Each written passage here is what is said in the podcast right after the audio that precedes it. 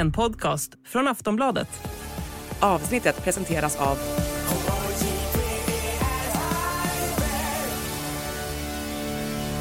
Stödlinjen.se, åldersgräns 18 år.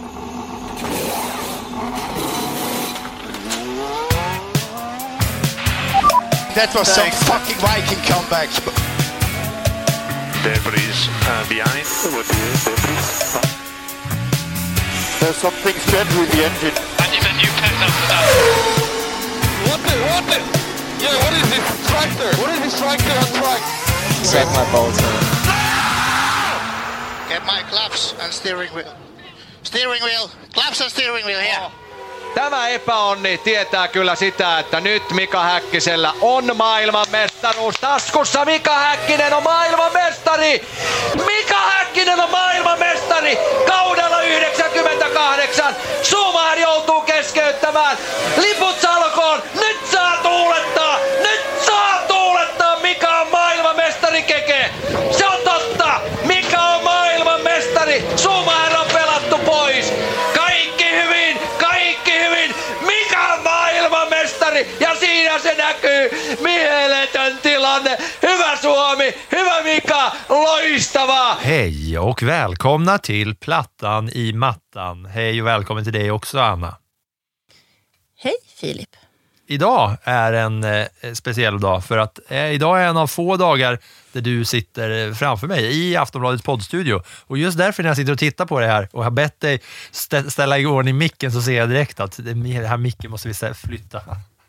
Jag kommer att göra det i, i sändning. Samtidigt som du pratar. Så. Så jag känns som jag har en liksom upp i näsan, du vet som en sån sockervadd. Ja. Som jag aldrig fick äta för att min mamma var tandläkare. Så jag fick aldrig äta sockervadd när jag var barn. Men som man såg alla andra ha som ett moln liksom. Runt i hela som en- ansiktet. Det här känns som en väldigt familjespecifik upplevelse. Du vet hur det känns att ha en upp sockervadd upp i ansiktet. Nej, det vet jag inte. Jag hade tänkt tanken på att en mikrofon är som en sockervadd. Men det var en grej, eh, att du inte fick käka sockervadd när du var liten. Det tog hårt, det tog hårt på dig uppenbarligen. Här sitter vi många år senare. Och här har jag en mick nu, mitt i näsan. Ja, men ingen fika, ingen sockervadd. Jag sitter här med banan och, och kaffe och du, du sitter fikafri. Ja, ett glas vatten. Idag kanske vi borde ha haft eh, Koskenkorva framför oss eftersom att vi ska prata eh, och ha det tredje, om jag minns rätt nu, F1 Hall of Fame-avsnittet i Plattan i mattans historia.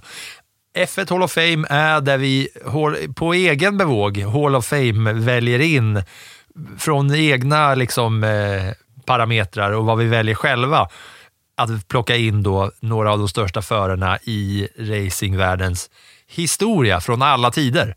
Ja, men den här föraren som vi ska prata om idag tror jag att det är många av oss och många svenska F1-fans som direkt plockar in i sin personliga Hall of Fame.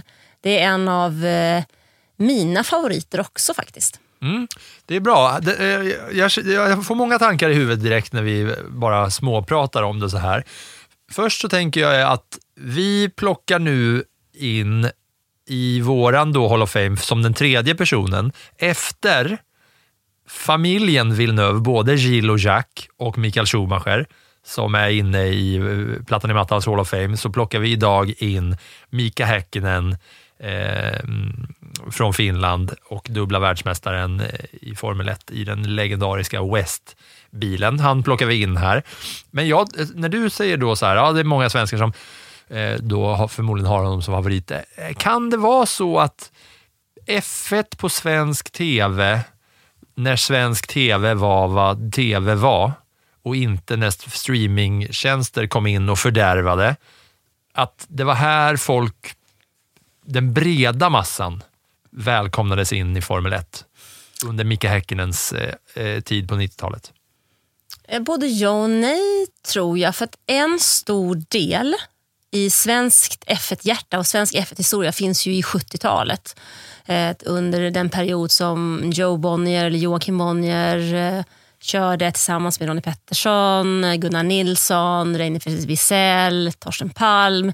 den biten. Där finns, och det var ett F1-lopp på Anderstorp. Det är ju en jättedel i det svenska racinghjärtat. Sen tror jag att här under slutet av 90-talet, det är, också, det är ju då Mika Häkkinen, hans fighter mot Michael Schumacher är ju också legendariska. Och under den här tiden fanns ju också Jacques Villeneuve med. Det är ändå intressant att de tre som vi har valt ut första, de hänger verkligen ihop. Det är verkligen slutet av 90-talet som, som är på något sätt en del i våran. Och då ska vi veta att du och jag är ju inte alls av samma årgång.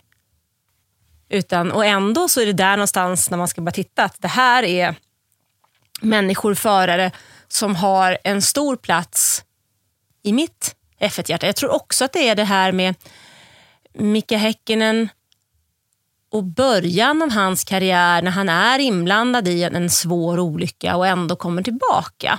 Eh, och sen det här lite karga som finns i honom som också finns hos Kimi Räikkönen som många också tycker så himla mycket om för att det är kargt men hjärtligt på något sätt. Det är ganska roligt när man pratar med Micke Häkkinen för hans, hans humor är ganska underfundig men man vet inte riktigt när han ska skratta och när han skämtar och när han är allvarlig. Och det där är ju lite läckert. På något sätt. Och, och att under en tid när han då kom och tävlade mot liksom tyskarna och britterna så är nästan en finsk är nästan svensk då. Ja, men, när han är ensam på griden. ja men så är det ju. Vi i Sverige hade ju vid den här tiden inte någon förare som var i närheten egentligen av Formel 1. Det är ganska länge sedan då som Stefan Johansson slutade eh, tävla i Formel 1. Vi har ju ingenting som ens är på väg in. Alltså vi har Kenny Bräck som kör, valde att köra i USA och inom amerikansk racing istället. Vi har eh, ett eh, hjärta hos Rickard Rudell som hade varit framgångsrik i BTCC. Men, men just, jag tror att det är så att i det läget så var verkligen Finlands sak vår. Mm. Ja, för det är lite så eh, som jag minns det sena 90-talet när, när, när jag kastades in i, eh, eller kastades och kastades in, man vaggades in i det på söndagarna i lugn och ro när det inte fanns någon annan sport att titta på om man hade skogs-tv, eh, som jag. Um, Micke Häkkinen, när han växte upp i det karga Finland, hade kanske ännu mindre än skogs-tv, tänker jag. Eh, han körde gokart som många andra i de, de här F1-legendariska historierna. Han växte upp med en pappa som hette Harry och en mamma som hette Ayla. Mamma var sekreterare. Pappan, eh, det jag har försökt eh, söka mig till här, han var taxiförare och någon slags radiofixare. Var, Va, vad är man som radiofixare? Ja, men det var något med någon slags vågformbaserad radio. Antingen, det kan vara så att han sålde radio eller att han fixade radio, radio så att det var en blandning där. Liksom. Men pappan eh, såg ju tidigt till att sonen skulle kunna få köra, få racea. Sen fanns det en syrra där, Nina också, som under hans karriär drev någon slags fansida på, eh, på nätet. För internet var ju också i sin linda där och då, va, i slutet av karriären. Eller? I sin linda. Ja, Vi i- startade väl för 17 internet, eh, liksom aftonbladet.se 94-95. Vilket är helt jävla sjukt. Ja, det var Det liksom, känns inte som att det, det, det känns som att det är en lögn. ja, men det, var, men det, var, det var så lustigt. Internet var i sin linda mellan 95 och 2001. Ja, men där någonstans så, eh, så kom ju Aftonbladet.se och de satt några stycken liksom i ett hörn i Globen och poppade omkring där och, och skulle ju ha lite roligt med Aftonbladet.se. Eh, det var ett helt annat sätt än vad man jobbar idag. Ja. Och samtidigt då kan du tänka att när Aftonbladet med sin stora organisation eh, skulle starta en hemsida så fanns även Nina Häkkinen och startade en fansida för brorsan som då var Formel 1-förare under den här tiden. Det är familjen. Ja, det är alltså innan Sportbladet. Ja. Innan Sportbladet föddes. Det är också helt otroligt. Mika Häkkinen, kanske kan ta oss tillbaka till den här Hall of Famern som nu är i Sportbladets, för att sammanväva, Sportbladets eh, Formel 1-podcast, Plattan i mattan, deras Hall of Fame. Eh, han började köra gokart som femåring. Och då började han liksom i, i vintriga Finland på snö och på is eh, köra gokart som ett pyttelitet barn med hjälp av pappan. Och här är en sån grej som jag ofta reagerar på. De som börjar racea som barn på snö och is tänker jag alltid att de blir bättre. Det var så Villeneuve-familjen också började med att, med att köra på, på kallt underlag. Jag tänker att man blir bättre på grund av det. Ronnie Pettersson var ju samma sak. Ja, man blir bättre. Och kanske mer älskvärd. Kanske mer älskvärd också. Ja, men Häcken i alla fall, han, eh, som många av de här andra, jag, jag brukar bara, vi brukar bara snabbt bara snabbspola igenom gokart eh, delen. När man börjar tycker jag är intressant. Han börjar som femåring på isar och grejer. Sen vinner man och tävlar och barnsport behöver vi inte rapportera om liksom här. Men 87 då, så eh, vinner han, eh, då körde han något som heter Formula Ford Championships. Och det kördes både i Sverige och i Finland och så fanns det ett nordiskt mästerskap. Eh, och sen eh, körde han massa un, såna här uh, undergrejer innan han tog sig fram eh, till Formel 1. Vi ska se bara här, racing. 87, Nordic Formula Ford. Och sen så eh, var det lite andra grejer. Opel, Lotus, Euroseries, GM, Vauxhall, Challenge, Brit Eh, eh, 88 innan 89 det var brittiska Formel, Formel 3. Och de här andra grejerna, under eh, de här Formula Ford och Vauxhall Lotus Challenge, det vann han och kom tvåa. Opel Lotus Euro Series vann han också. 89 så kom han in i brittiska Formula 3-mästerskapet och körde lite olika andra sådana under, undergrejer 89. Men sen eh, 90 så sökte han för att bli medlem i något som hette Marlboro. Och nu är vi här igen, vilket vi blir många gånger när vi pratar om racing på 80-90-talet eller tidigare. Marlboro World Championship Team. Vilket som skulle kunna liknas vid någon slags sponsrad förarutbildning för att ta sig eh, till Formel 1. Eh, då valdes man ut för det. Man kunde ansöka dit och så kunde man eh, liksom söka för att bli medlem och då valdes de ut av en bedömningspanel som bestod då av eh, Ron Dennis som då var eh, teamchef för McLaren, eh, F1-världsmästaren James Hunt och Formel 3000-teamcheferna Mike Earl och Jude Schonack. Och då har Earl här berättat efteråt att eh, Häckenens ansökan var den här, det var den sista där som man skulle kolla på en, efter en lång svettig dag när de var trötta och slitna. Och då hade Hunt, eh, alltså eh, James Hunt som var då F1-världsmästare, han hade redan planer på att gå och börja kröka, så han var så trött på det. Han ville inte ta, ta sig an Mika Häkkinens ansökan. För han var ju, det har varit så lång dag. Han ville ta en, en bärs på krogen, men då eh, Häkkinen imponerade så pass mycket där på, eh, på gänget och Earl eh, övertalade Hunt att vänta med biran, kolla på den här finnen istället. Och då eh, fick han den här Marlboro-sponsringen, så man blev liksom sponsrad av ett SIG-företag. Här snackar vi Eh, 1990. Va? Och den här starten då som, eh, som liksom formelbilsgrejerna som började 87, 88, 89, det, det började få fart på riktigt efter att han blev antagen till det här, då, den här eh, liksom sponsor, vad man ska kalla det, programmet. Nu för tiden heter det liksom Honda Dream, vad, vad det nu heter, det här Yuki Tsunoda kör. Det är liksom lite mer glorifierat och modernt än att bara Marlboro. En Ferrari Driver Academy. Ja, det låter liksom lite coolare då än Marlboro World Championship Team. SIG världsmästarteamet. Det var där han skulle vara med i alla fall. Eh, men eh, efter det här så började det då ta, ta fart ordentligt. Eh, Formel 3, British Formula 3 Championship, det var grejer då på den här tiden. Och det vann han genom att vinna 10 lopp av 17. Så att det är 11 pole och var på podiet 15 av 17 gånger, så vann han det där mästerskapet, vilket eh, gjorde att han fick liksom, eh, upp ännu mer intresse och sådär. Jo, nu, eh, jag, jag kom på en sak nu eh, som jag glömde här i uppväxten, Perkele får man väl säga då, att han hade inte bara sin pappa och sin familj och mamma och syra på den här där han växte upp, utan där fanns även en annan finländare och kan du gissa vem det var? Mika Salo kanske. Och vem var han? Också en eh, framgångsrik finländsk eh, racerförare som har en eh, inte lika framgångsrik karriär som exempelvis då Keke Rosberg eller Mika Häkkinen eller Kimi Räikkönen. Men Mika Salo Han har väl ändå varit up there i finrummen och kört Formel 1? Definitivt, för Mika Salo har ändå kört för Ferrari. Han tävlar faktiskt i F1 mellan 1994 och 2002. Ja, och det är ju de här åren som vi pratar om då och det är coolt att de här två kom från samma gata.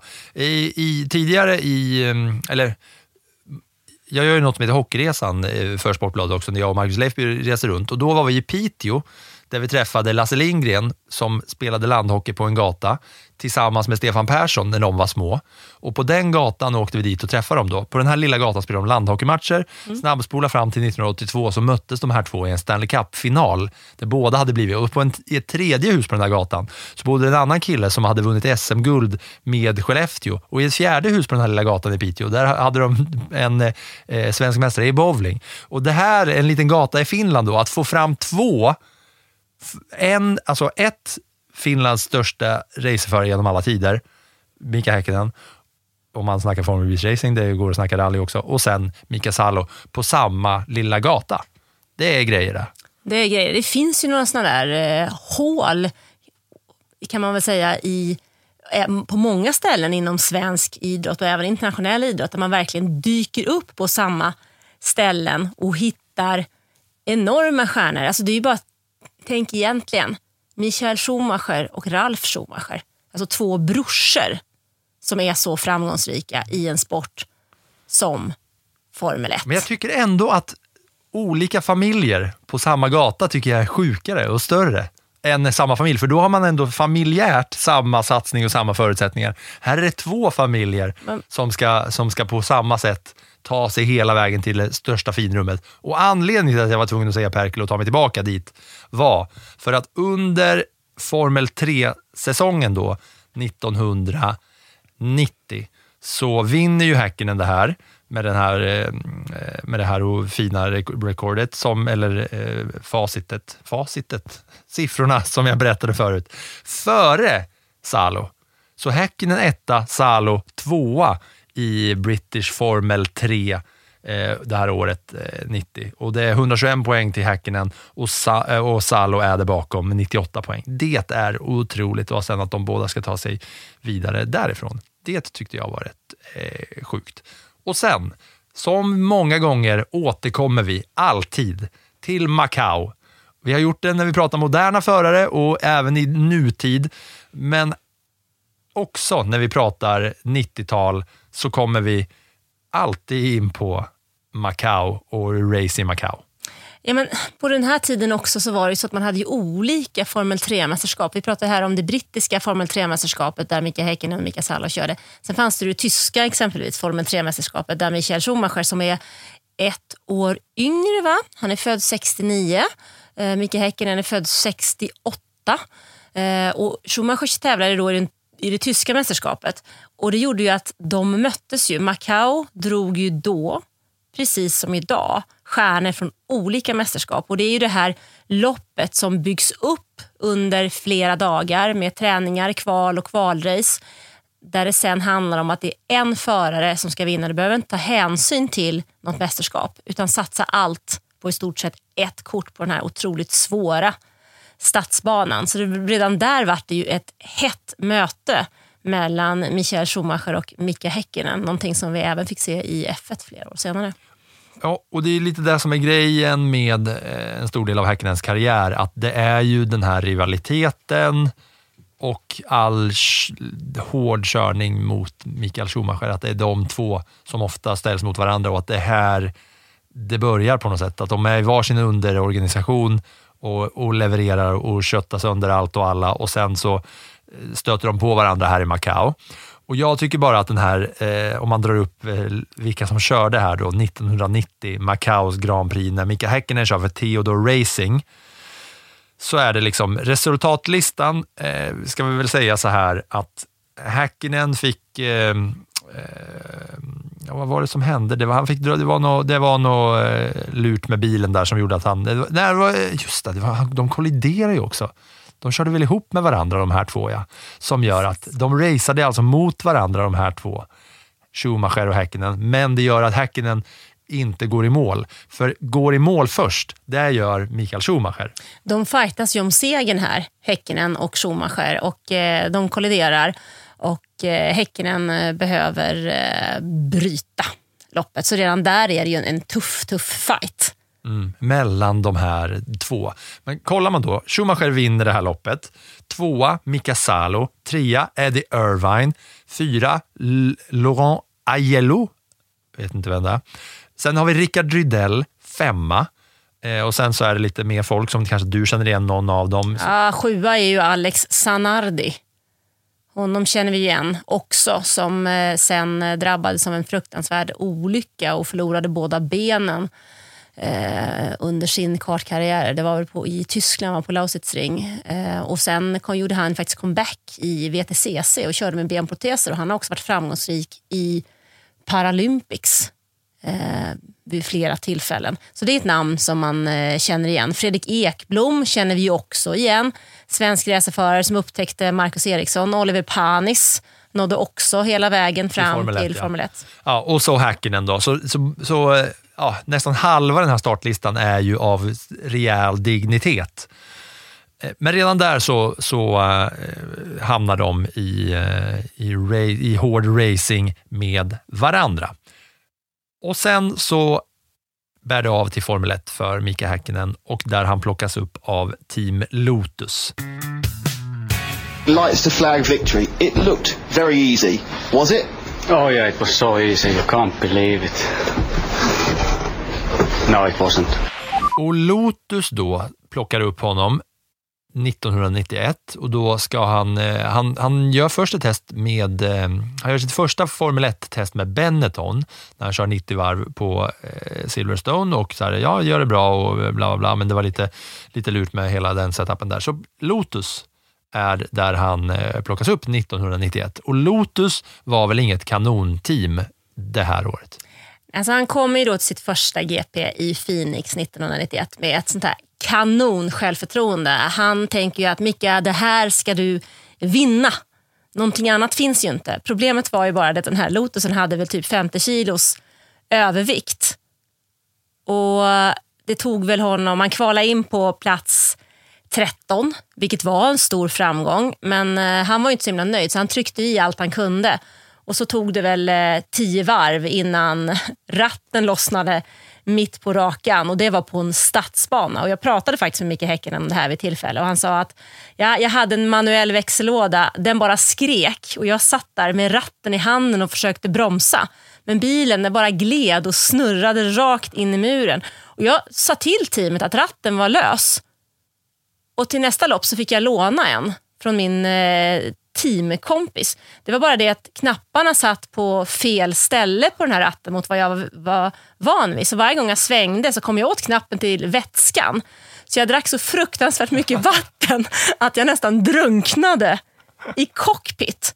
Och att, att ratten lossnar när du kör i 250 knyck. Alltså, jag har så många fantastiska men också tum, tunga minnen från Formel 1-tiden. Och jag tycker bara jag kan se honom där sittande liksom i cockpit och ska han svänga och då kommer det vatten och så ska han svänga igen och så kommer det ännu mer vatten. Och så...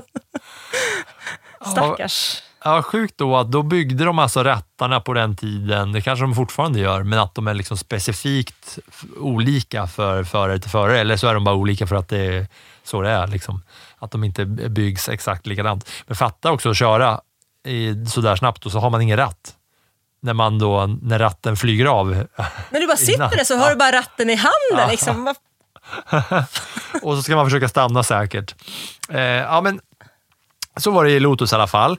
Han, eh, eh, han hade ju hela grejen med Häkkinen hela vägen fram dit var ju att han hade ett enormt självförtroende. Han var ju så självsäker på att han själv var bäst eh, och, och hela den biten.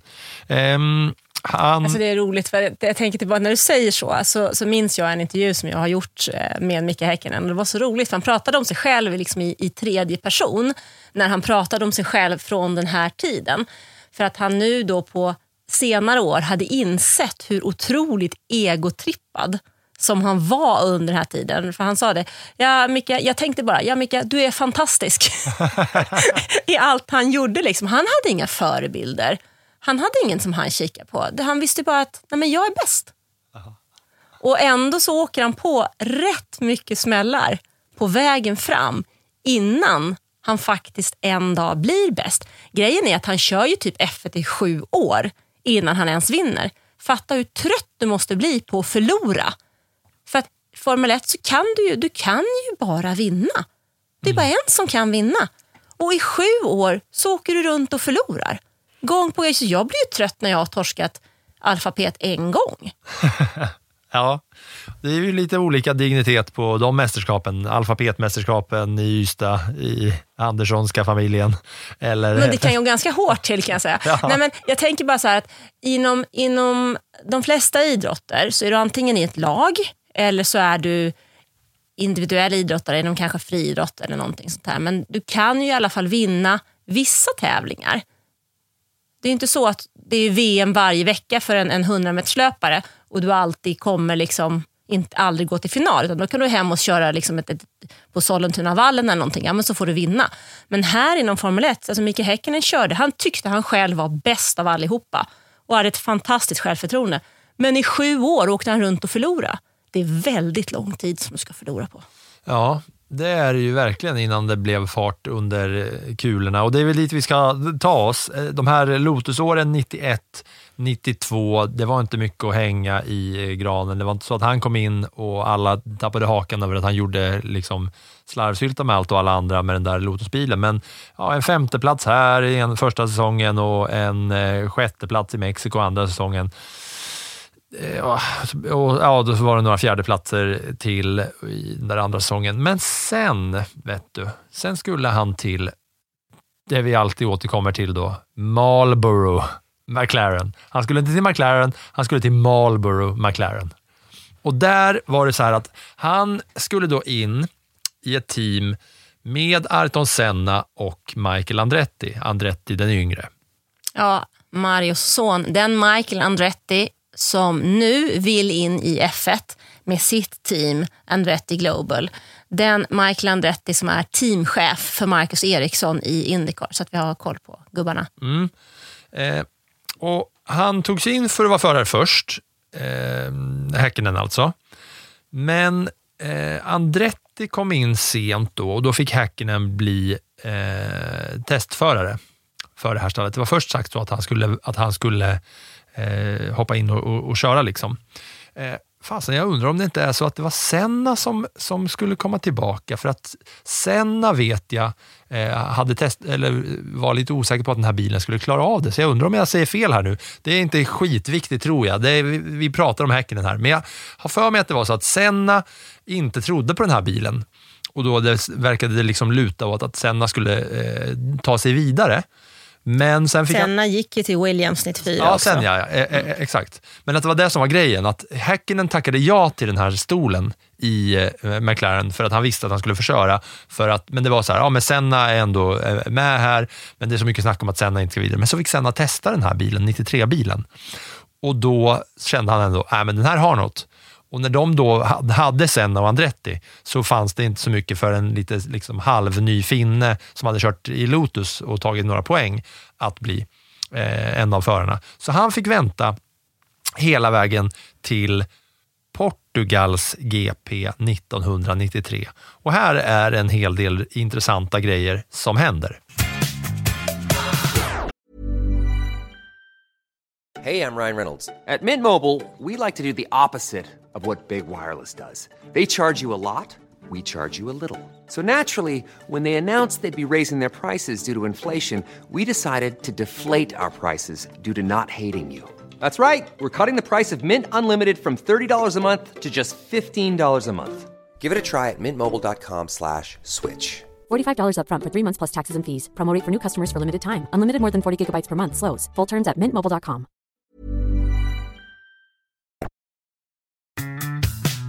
Och då är det som sagt, det är en del intressanta grejer här med Portugal 93 när Häkkinen får göra sin debut i McLaren. För innanför det här har ju han bara, under hela säsongen så har han suttit i depån och bara varit testförare och sett hur teamet har jobbat. Han har varit, liksom, och då med det här Mika Häkkinen finska självförtroendet om att han är bäst, så har han bara varit där i depån astaggad på att få chansen bakom Andretti och Senna, som han själv tycker att han, är, han förtjänar en chans. Liksom. Och den chansen, eh, det dröjer hela vägen till eh, Portugals GP som bara är liksom tredje sista racet på säsongen. Innan dess så har han bara fått sitta och titta på när de andra har kört. Men här så eh, tar Andretti klivet och skriver på för att köra Indycar. Vilket gör att de kan inte låta han fortsätta. Då ser de ingen framtid med att ha Andretti kvar när hans framtid ändå är i en annan organisation. Organisation. Eh, jag vet. Orga, eh, och då kommer ju Häkkinen in eh, som en galning här, för han är så taggad. Det är någon eh, journalist där på den tiden som har rapporterat att eh, Häkkinen studsade in i paddocken som en golden retriever-valp som precis har blivit av med kopplet, var överallt och på alla ställen samtidigt. Och vad gör han då när han får komma in och få chansen? Jo, han kvalar ut Ayrton Senna direkt. Det är det första han gör i McLaren-bilen, Häkkinen. Och det är inte som att han kommer in och kvalar ut en måfå-förare, utan han, han kvalar ut eh, Ayrton Senna. Sen eh, körde han bra i racet, tog i lite väl mycket, kraschade, men folk tappade hakan åt den här killen då som kommer och eh, i första försöket kvalar ut eh, Senna. Och efter det här eh, så eh, Senna är ju galen över att den här killen kommer då och kör bättre än honom. Så han, han måste bara få veta, vad gjorde du? Hur, hur gjorde du? Hur gjorde du för att slå mig? Ayrton Senna, one of the best drivers of all time. Hur, hur kunde du göra det här?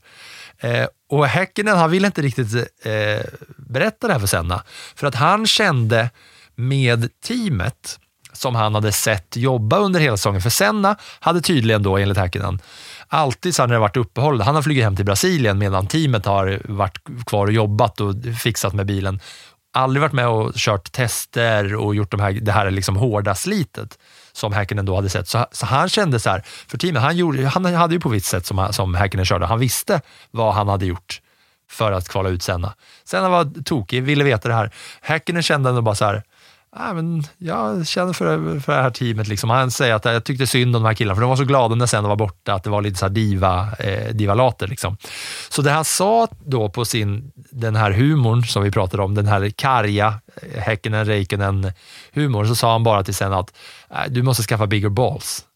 Du måste skaffa större bollar som ett skämt då, vilket inte föll i så god jord hos Senna som eh, då blev eh, vansinnig på, på, eh, på det där.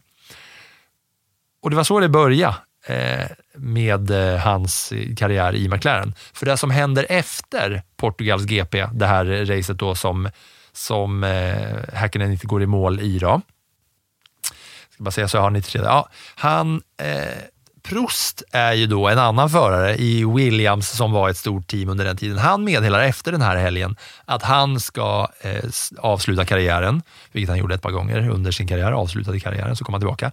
Men det gör ju att eh, Senna då sen, jag säger inte att det är på grund av, men i liksom sviterna av det här att eh, Häkkinen kommer in, kollar ut honom och är liksom den här nya heta kraften. Prost lämnar sin stol i Williams. Senna går till Williams efter den här säsongen. Man måste också veta att Williams under den här tidsperioden var ju det teamet som alla ville köra för.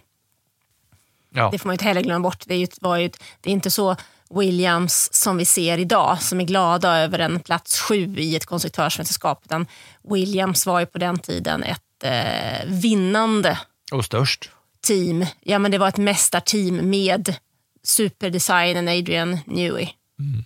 Och nu är det intressant att du säger det namnet. För vem ska designa bilen senare för McLaren när det väl börjar gå undan? Jo, där är han igen, vår vän som, som ser luft.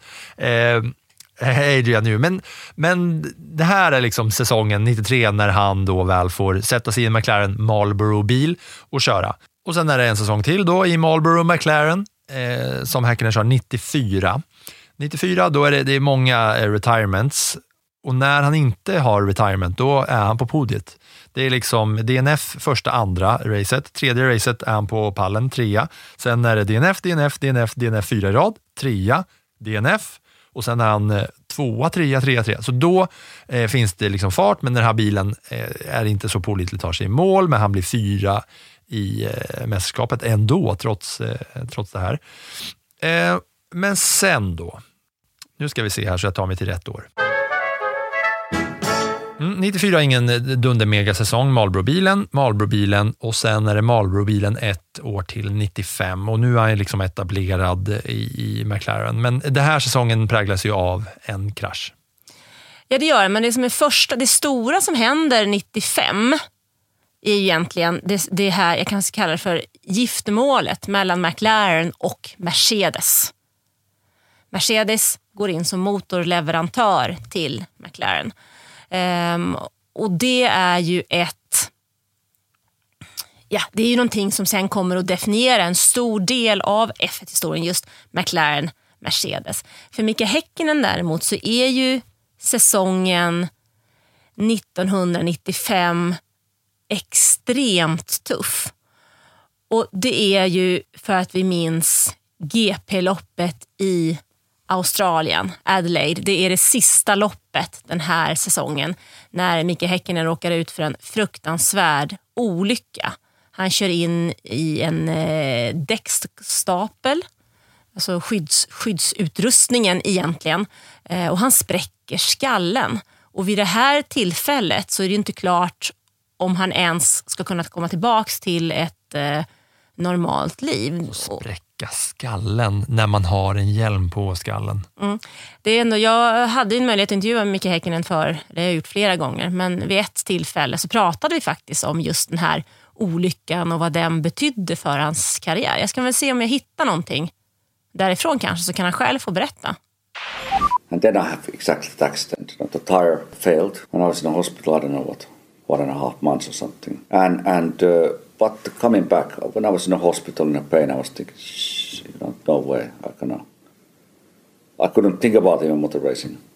I, I couldn't lie there and, and think about, well, I want to come back. I was just, you know, in such a pain all the time that you have no chance to even think nothing else than just give me more medication. Then when I was getting slowly better, I got back from Australia to London. They continued some operations.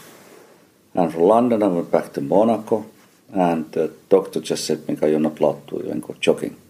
Not even allowed to go running for next one or two months. I said, yeah, but you know, that, you know, I need to start getting fit. I said, no, you're not allowed to. I shit, you know. and uh, then finally, you know, start going back to, to exercise, start getting headaches immediately. It, it came the day that way the team team said, McLaren said, now it's time to make decision. Do you want to come back or not? There's a test happening in Paul Ricard, and and you have to make a decision. Yeah, of course I'm going testing. That's it. Let's do it. And and uh, it, it, it was a strange feeling because uh, I didn't know what's going to happen, but I knew that way. I'm not scared. I know what has happened. Uh, I know the reasons why it happened. So I, I decided, okay, let's let's do the test. And and when I when I sat in a car, of course, mechanics were like, oh, you know, the guy lost mm. I don't know ten kilos or something. Uh, so so when I when I sat in the car, the engine started. I'm going out of the going to the pit lane in Paul Ricard. I said, this is fantastic. Car feels great. Everything's designed for me. You know, whatever I do with the steering, the car goes exactly there. I said, and I put my foot down. I went flat out immediately, and and uh, great lap times, and I, I was just enjoying so much. So when I stopped the test, that test I said, let's continue. Det var ju alltså en krasch där han, som gjorde att han fick kämpa för livet. Borta i ett dygn, sjukhus i två månader, men ändå 87 dagar senare, hemligt test i Frankrike för att ta sig tillbaka på riktigt. Ja, McLaren ställde ju i stort sett ett ultimatum. De behövde ju veta, eftersom det här var sista loppet på en säsong så, och sen skulle ju säsongen 1996 eh, Eh, starta och de ville ju då veta om det var honom de kunde räkna med eller inte. Um, och när han gör det här testet Micke Häkkinen så känner han ju att bilen är ju utvecklad för honom. Den är ju perfekt för honom. Den gör ju precis det som han vill att den ska göra. Så han bestämmer sig för att eh, ta sig tillbaka och då blir han ju teamkollega med eh, David Coulthard.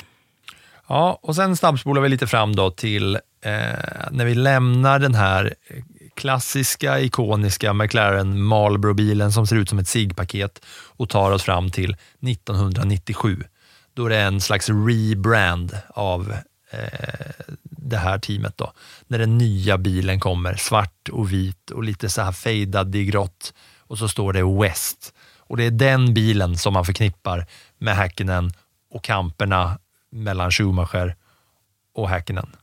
Det är lite intressant ändå att, han vinner ju sitt första race i Europas GP. Det, det är väl i Jerez, va?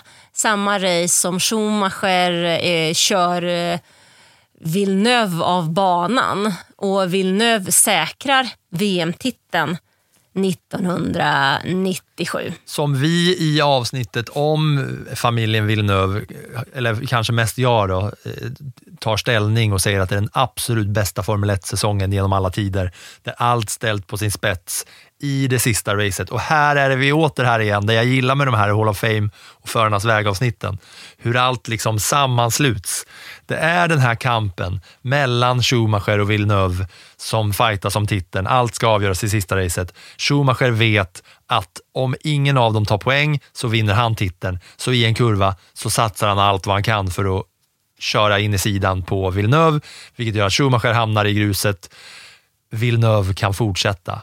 Och där bakom då ligger Coulthard och eh, Häkkinen och kan ligga bakom en lite halvdeformerad Villeneuve-bil. Så han vet, Villeneuve vet att han, jag måste bara klara mig och köra in i mål. Jag måste bara in i mål så kommer jag vinna VM-titeln efter den här galna säsongen mellan Schumacher och Villeneuve 97. Det är ju hans enda eh, titel, Villeneuve. Men där bakom så kommer Häkkinen och nu när man har fokus på Häkkinen så är det ju helt annat liksom, när, när strålkastarljuset är på honom. Från min, då, från min uppmärksamhet så är det så himla häftigt att det är Häkkinens första seger som kommer under det här loppet. Så både Häkkinen och Coulthard får köra förbi. Och det är sjukt då när man tittar, så här, man tänker att ja, men Häkkinen han tog väl alla med storm, men alltså Häkkinen, han, det här är hans sjunde år i Formel 1. Mm. Han har varit väldigt bra på att förlora innan han en gång fick vinna.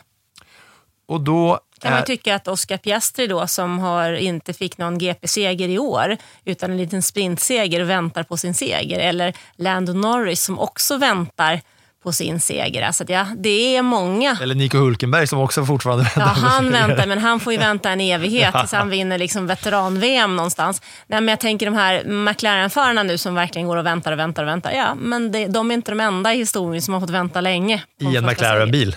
Dessutom. Nej, det är jäkligt coolt att eh, se vägarna sammanlänkas här. Och det här blir då startskottet för The Mika Häkkinen-era. För 1998 så är det då Adrian Newies andra bil som han eh, designade. Han gjorde bilen 97 och 98 så, så får den här eh, West-bilen eh, en, en rejäl fart och här är det kampen med Schumacher. Eh, mellan de här två. Men, men om man tittar bara på liksom hur Häkkinen kör den här säsongen 98. Här, kan, här minns väl du eh, liksom, saker från själva säsongen för, när du tittade liksom, och följde det? Ja men det gör jag ju. Framförallt så minns jag ju vår kollega Jarko under den här säsongen. Det är nästan så läsarna känner igen Jarko nu för tiden va? Ah. Han, har blivit, han är den, eh, en av de som nämns mest.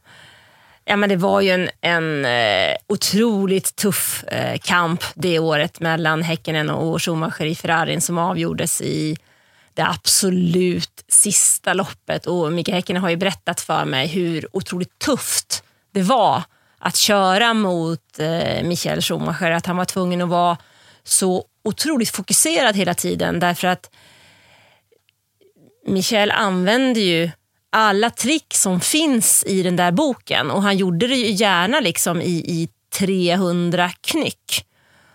Och mm, Mikael Häkkinen sa det vid något tillfälle, att, om, tillfälle till mig det, att om bilarna går i varandra så gör det ont så man är tvungen att hålla koll. Samtidigt så förstod jag det och jag visste hur han körde och vi klarade oss utan trassel nästan varje gång för vi körde med respekt. Men det var precis på pris, precis på gränsen. Han tänkte bara på att vinna och det gjorde jag också. Men att vinna har ett pris och om det är för aggressiv så går det fel.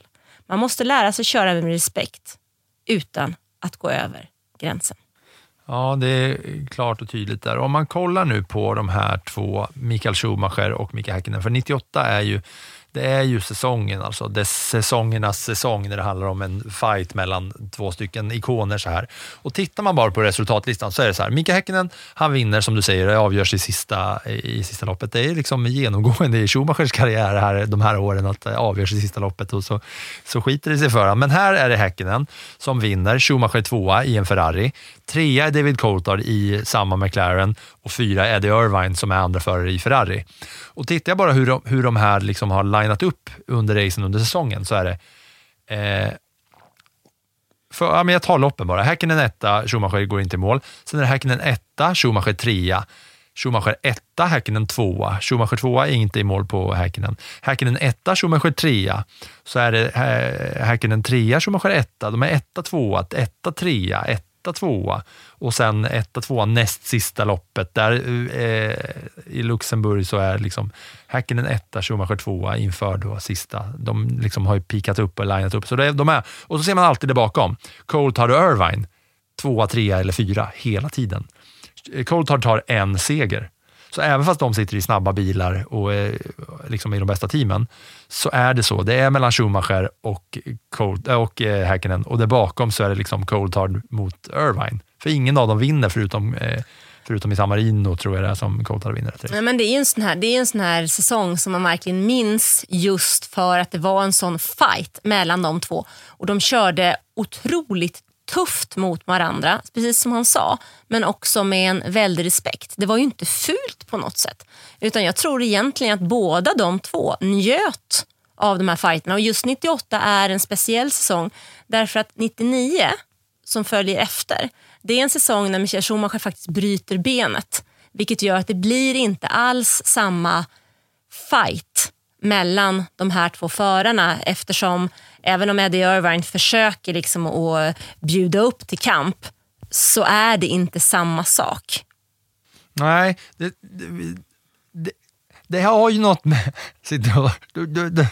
Men alltså det är ju någonting med att det är just Schumacher och det går inte att jämföra stjärnglans Eddie Irvine och, och Schumacher. Det är, även fast det är jämnare poängmässigt säsongen efter, för det är då Ja, men det är ju för att Schumacher bryter benet också och sen så drabbas ju Häckenen, om jag inte minns helt fel, eh, av, en hel del, av en del tekniska problem. Ja, det är, det är ett, två, tre, fyra, fem DNFs på Häckenen eh, säsongen 99 där. Men eh, om man bara ska avsluta 98 så är det ju eh, så är det mäktigt för Finland att få sin eh, världsmästare där och säsongen efter som kommer, det är då han blir den bästa finländaren genom alla tider genom att vinna världsmästerskapet två år i rad, för det har ingen annan någonsin gjort därifrån. Nej, han är ju Finlands andra världsmästare i Formel 1 efter Keke Rosberg. Han är den enda finländaren som har vunnit två VM-titlar. Rosberg har en, eh, Kimi Räikkönen har också en.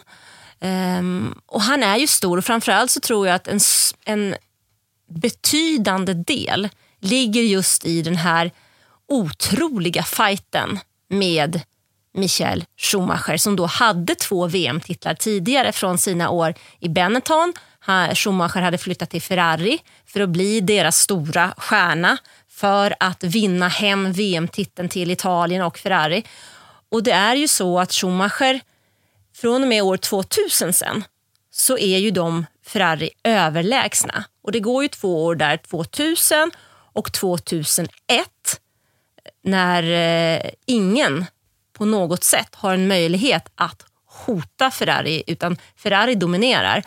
Och där lägger ju också Micke Häkkinen av. Jag frågade honom faktiskt vad det var som gjorde att han lade av, la av och vad det var som påverkade honom. Och han svarar helt enkelt sådär eh, kargt men ändå tydligt utan att egentligen visa några känslor Eh, det är ganska intressant att prata med honom för att han, han är ganska eh, matt kan man nästan säga i ansiktsuttrycket. Alltså det, det är sällan några stora utsvävningar förrän det kommer ett asgarv. Men vägen dit så är det ganska, och då, helt utan att visa några känslor så svarar han bara det räckte. Jag hade fått nog. Jag hade fått nog av F1 och av racingen för att när du kör F1 så är du så otroligt kritisk mot dig själv. Och jag var trött på att få kritik hela tiden. Och jag var hitta på förklaringar till varför jag inte lyckades eller jag inte nådde de resultaten som jag ville. Och det var så uttröttande. Och sen så fortsatte han och sa att jag var även påverkad av olyckan. Jag kände att Mika, utmana inte ödet en gång till. För jag var med om ett par olyckor här också under 2000 och 2001. Jag hade tekniska problem, hjulupphängningar som brast, jag gick in i muren. Och så kom jag ihåg all den här tiden som jag la på sjukhuset och jag frågade mig själv, vill jag dit igen? Behöver jag verkligen tre eller fyra VM-titlar? Jag har ju två. Är det värt risken? Nej. Då hade han svaret på frågan. Två VM-titlar i Formel 1 är ändå rätt bra. Så jag bestämde mig för att sluta. Och det var rätt beslut. Mm. Det är ändå schysst att man kan komma till den, om man tittar på hela hans karriär ändå i Formel 1 som är ju mer än tio år. Att man kan gå från att vara så otroligt egotippad och egotrippad och tro att man ska kunna vinna sitt första race med en bil som är alldeles för tung till att tio år senare känna att jag är nöjd.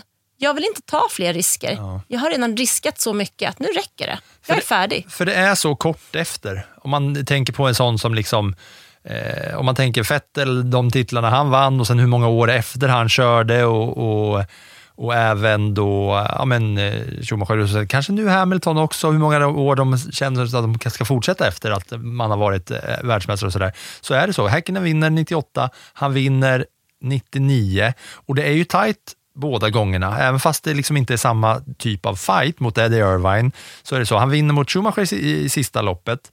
Han vinner mot Eddie Irvine med bara två poäng. Det avgörs också i sista loppet, för att där eh, vinner Häkkinen Irvine trea och det blir 76-74 i mästerskapet till slut till Häkkinen. Så pass tajt.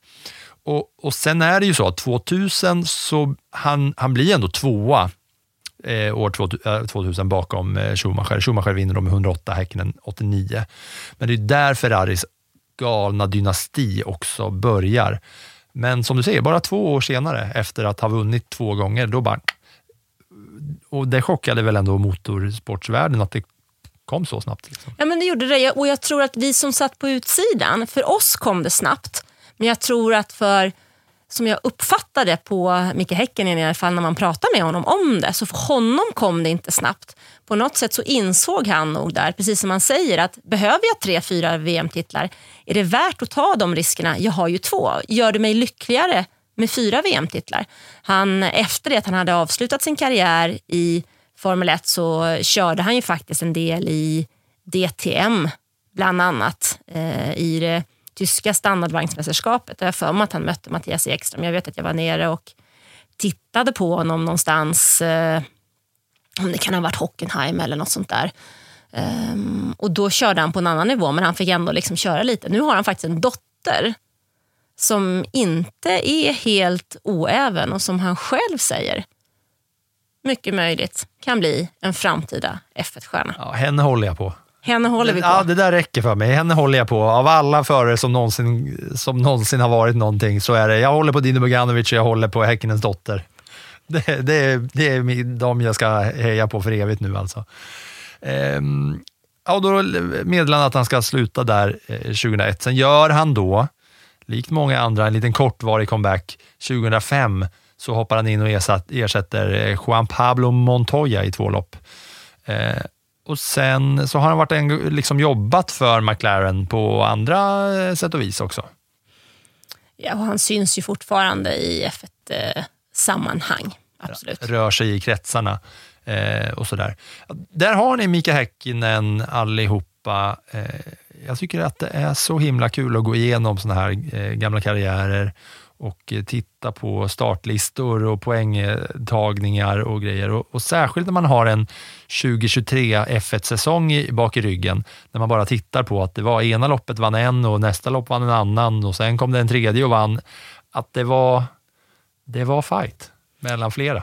Det var fight mellan flera och jag tror ju någonstans att det kommer att bli så i Formel 1 igen framöver, för ingen dynasti varar för evigt. Det är bara att titta på Ferrari i början av 2000-talet och på Mercedes fram till 2020. Så att eh, det kommer att komma. Ja, Mika Häkkinen, han tar plats bredvid Gilles och Jacques Villeneuve, Mikael Schumacher och nu kliver eh, Mika Häkkinen in i plattan i mattan, Hall of Fame och där eh, ska han ju för evigt finnas. Undrar vem som blir nästa? Mm. Det får ni veta om ni hänger med och lyssnar på framtida poddavsnitt av eh, Plattan i mattan. För det finns fler som förtjänar att eh, ta sig en plats bredvid de här herrarna då i Plattan i mattan Hall of Fame. Tack för att ni har lyssnat. Yeah, Mika, you've been a superb world champion for the last two years, but your reign for now is over. How do you feel? So sad. You seemed quicker than Michael throughout the race. Were you just waiting for the pit stops? Yes. Okay. As a consequence of the spin that you just mentioned, uh, you made up for it with an absolutely spectacular and heart-stopping overtaken maneuver. Can you talk us through that? Yes, it it it was it was quite a different one. well, it was incredible. it it was uh, it, it was a uh, incredible. That was some fucking Viking comeback. Debris uh, behind. There's something strange with the engine. And you've a new pet after that. What the, what the? Yeah, what is this tractor? What is this tractor on track? Save my balls, man. Get my claps and steering wheel. Steering wheel. Claps and steering wheel here.